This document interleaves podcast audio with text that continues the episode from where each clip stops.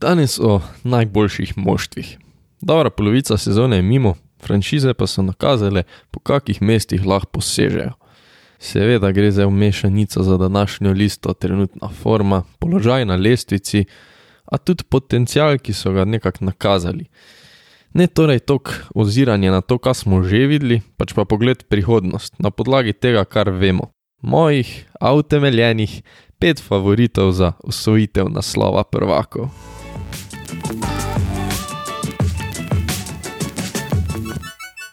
Več kot očitno se v NBA zadeve hitro spreminjajo. Tako da lahko bo ob objavi te epizode že padel kak neverjeten trade, ki bo še mal premešal razmerje moči v ligi. Ampak zaenkrat se je izkazalo precej moštev. Peterica, ki me je letos prepričala, hkrati pa ima podlago za mogoče še boljši playoff run, kot trenutno kaže lestvica. Na petem mestu imam malega brata iz Los Angelesa, ki se je v preteklih nekaj letih zavezal, da odraste. L.A. Clippers. Po eni strani je sporno, da jih nimam više, po drugi strani pa je sporno, da sploh so na tej lestvici, glede na to, da so lani razočarali. Letos igrajo boljš, tudi Paul George in Kawhi Leonard sta več skupaj na igrišču, kar je lahko za uspeh v končnici le dobro. Oba sta zaslužena All-Starja, pri čemer je Kawhi dvakratni prvak, obakrat pa je bil tudi MVP finala in sen vela za enega boljših performerjev v playoffih. Dodali so tudi nekaj zanimivih koščkov sestavljanke z Nikolajem Batumom, Seržom Ibako pa Lukom Kenardom, ampak saj po mojem mnenju niso rešili njihovega glavnega problema - organizacije napada. Z glavni zvezdi sta izrazita ISO igralca, torej dobra v igri ena na ena, moštvu pa ni nekega posameznika, ki bi znal te ISO zaključke povezati. Pač ni le pila, ki bi gladil gube, pa povezal tiste zanimive koščke sestavljanke. Posledično, če nasprotnik uspe omejiti vpliv posameznikov, ni ekipne igre, ki bi Kliper se nekako pripeljala do zmage. Na roko jim gre, da zaradi lanske polomije letos ni niti približno toliko pritiska, zdi se mi, da se o njih mogoče celo premalo govori sam mislim, da morajo razrešiti ta problem playmakerja, ampak vse imajo v Kowaju enega najbolj dokazanih zvest.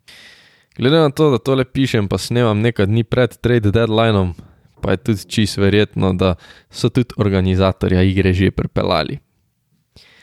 Na četrtem mestu, Filadelfija. Letos so presenetili.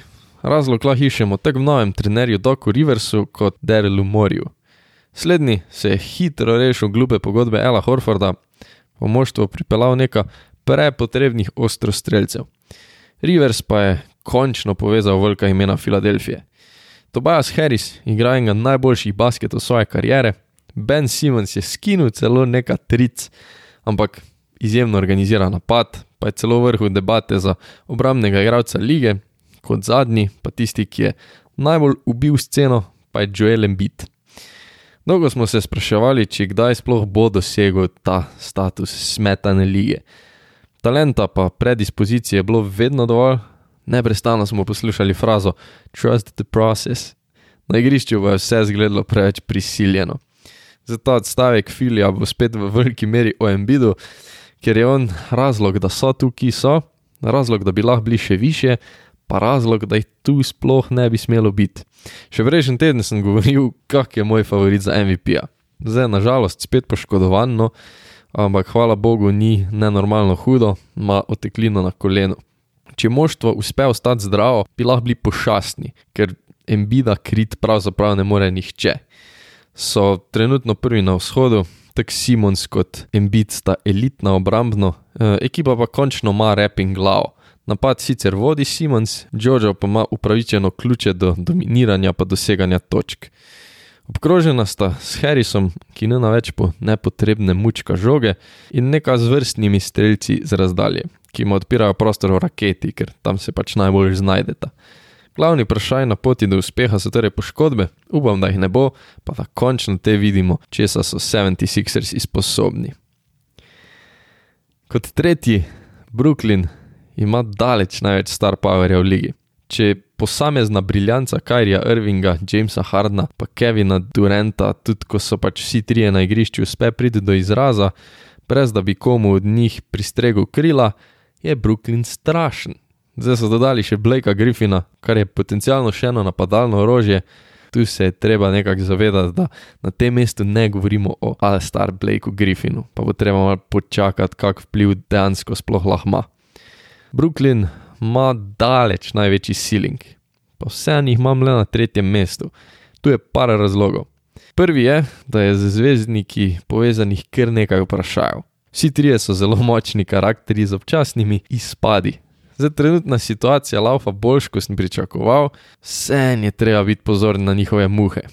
Drug, bolj pereč problem trenutno so fizični manjki. Kyrie Irving je v zadnjih sezonah ogromno poškodovan, James Harden sicer praktično nikoli ne manjka, je pa kar znano, da eh, njemu v končnici ponavadi zmanjka benzina v tanku. Za obema že naštetima pa še vedno boki bati na KD, ki je letos na igrišču kazal izjemno igro, vsaj začelo je nekako izgledati, da je njegovo telo ratalo precej lomljivo. Zdaj ga že kar nekaj cajta ni zaradi poškodbe stegenske mišice, lani je kot verjetno veste, sedel zaradi strganja ahilove tetive. Dejstvo je, da ga bojo letos ahtali kot dojenčka, da bi verjetno, če bi bilo treba, že zelo igral, ampak so čist dosti dobri tudi brez njega. Ampak v končnici ga ne moreš šparati, tam bo, ka bo, in to vodi nekako v drug vidik. Igra treh zvezdnikov se bo težko prepletla, če ne bojo že prej velik skup na igrišču. Podobno se je lani zgodilo s Clippersi, ko George in Kowaj preprosto nista igrala dovolj skupaj, da bi se po domače čutila. Ko gledaš po imenih, itak zgleda easy, ampak v igranosti ne gre nikoli podcenjevati. Pa še zadnji, tudi precej pomemben manjko je obramba. Trenutno so mrežice iz Brooklyna sestavljene na način, ki jim omogoča igrati po principu samo daj več pik. V pravilih to je tudi nekako tisto bistvo, ki vodi do zmage, samo obramba je res praktično neobstoječa. Čeprav imajo tri igralce, ko so na nek čist nepomemben torkov večer sposobni nasuti 60 pik, jim je čist vsaka nasprotna ekipa sposobna jih dati 240, če pretiravam. V rednem delu sezone, ko se obramba tak ne igra glih, to laufa, ampak v končnici bojo mogli iti čez elitne obrambne ekipe, ki bojo vpliv velike trojke v Brooklynu vsaj nekako lahko minimizirale. In če ne bo šlo točk dosegati glih, kdaj hočeš, bi Brooklyn kar znal trpeti. No, in pol na mojem drugem mestu pridemo še do Milwaukeeja, zadnje ekipe na tej listi iz vzhoda. Bucksi so tradili za Drewa Holidaya in nekako osnovali svojo veliko trojko s Chrisom Middletonom in seveda Janisom Antetokumpom. Podobno kot Clippersi letos letijo full pod radarjem, ker so v zadnjih dveh sezonah končnici krepko malo razočarali. Ampak to za njih bi znalo biti dobro. Letos se nekako lovijo, testirajo, poskušajo različice svoje igre, svojega sistema, ki je na začetku sezone sicer vodil do kar nekaj slabih predstav, se pa vedno bolj ustaljuje vedno bolj deluje. In to je bil glavni manjko v končnici. Pač imeli so en sistem, ki ga je nasprotnik prečital, se prilagodil in jih lockdownal. Moštvo z ogromno napada, ampak imajo tudi solidno obrambo, ki so pred dobrim tednom še izboljšali izmenjavo za PJ-a Tuckerja. Baksi so letos nevarni, moj favorit, da prijajo vzhoda. Imajo certified MVP-a, Middletona, ki igra blizu najboljše košarke svojega življenja, pa Holidaya, ki je vsaj za moje pojme, še vedno en najboljših two-way branilcev v ligi.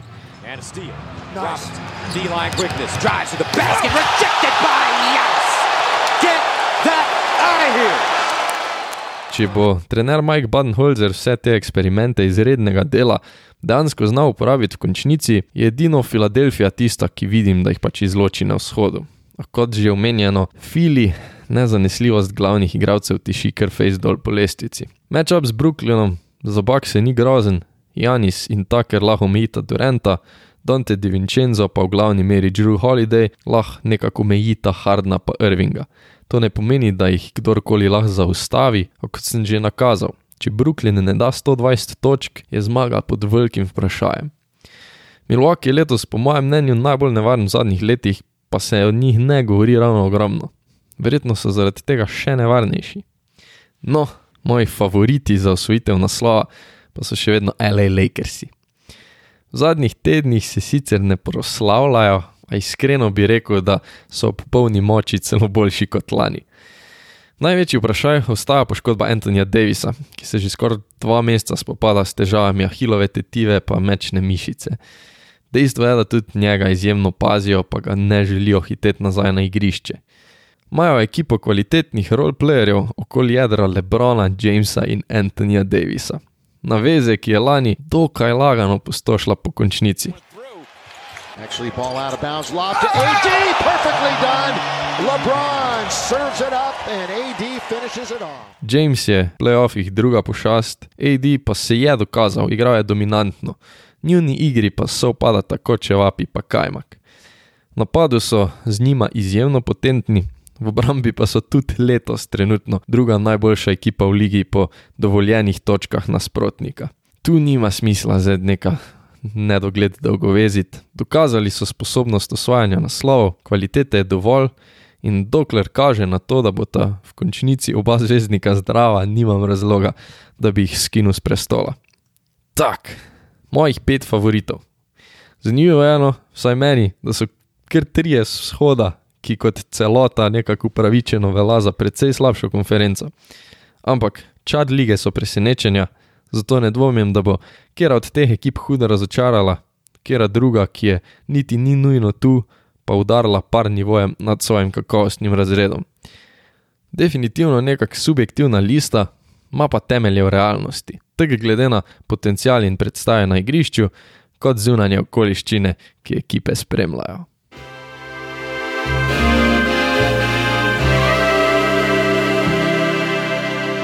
To je to za danes.